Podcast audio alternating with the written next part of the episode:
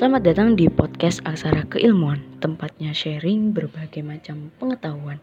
Oke teman-teman, kenalin aku Ainun Nadifatur Rohma, mahasiswi UIN Sunan Ampel, Surabaya, jurusan Ilmu Komunikasi.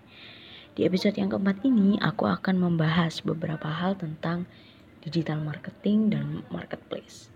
Digital marketing secara singkatnya adalah semua upaya pemasaran dengan memanfaatkan perangkat elektronik dan internet.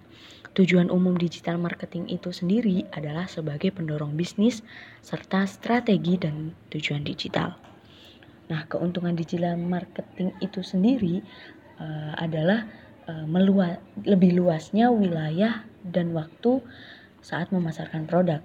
Sistem penjualan lebih cepat dan targetnya lebih tepat serta lebih mudah menjalin hubungan dengan konsumen dan profit yang didapat lebih banyak serta memakan waktu yang singkat. Nah, saat ini terdapat 8 konsep digital marketing yaitu SEM, PPC, social media, email marketing, content marketing, copywriting, SEO, A/B testing. Nah, marketplace sendiri itu uh, adalah suatu platform yang menjadi perantara antara penjual dan pembeli di internet. Contohnya yang saat ini ada itu Shopee, Tokped, Alibaba, Amazon, dan lain sebagainya.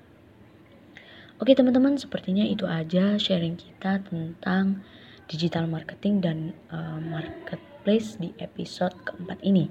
Terima kasih buat teman-teman yang sudah mendengarkan dan semoga bermanfaat. See you next episode. Bye.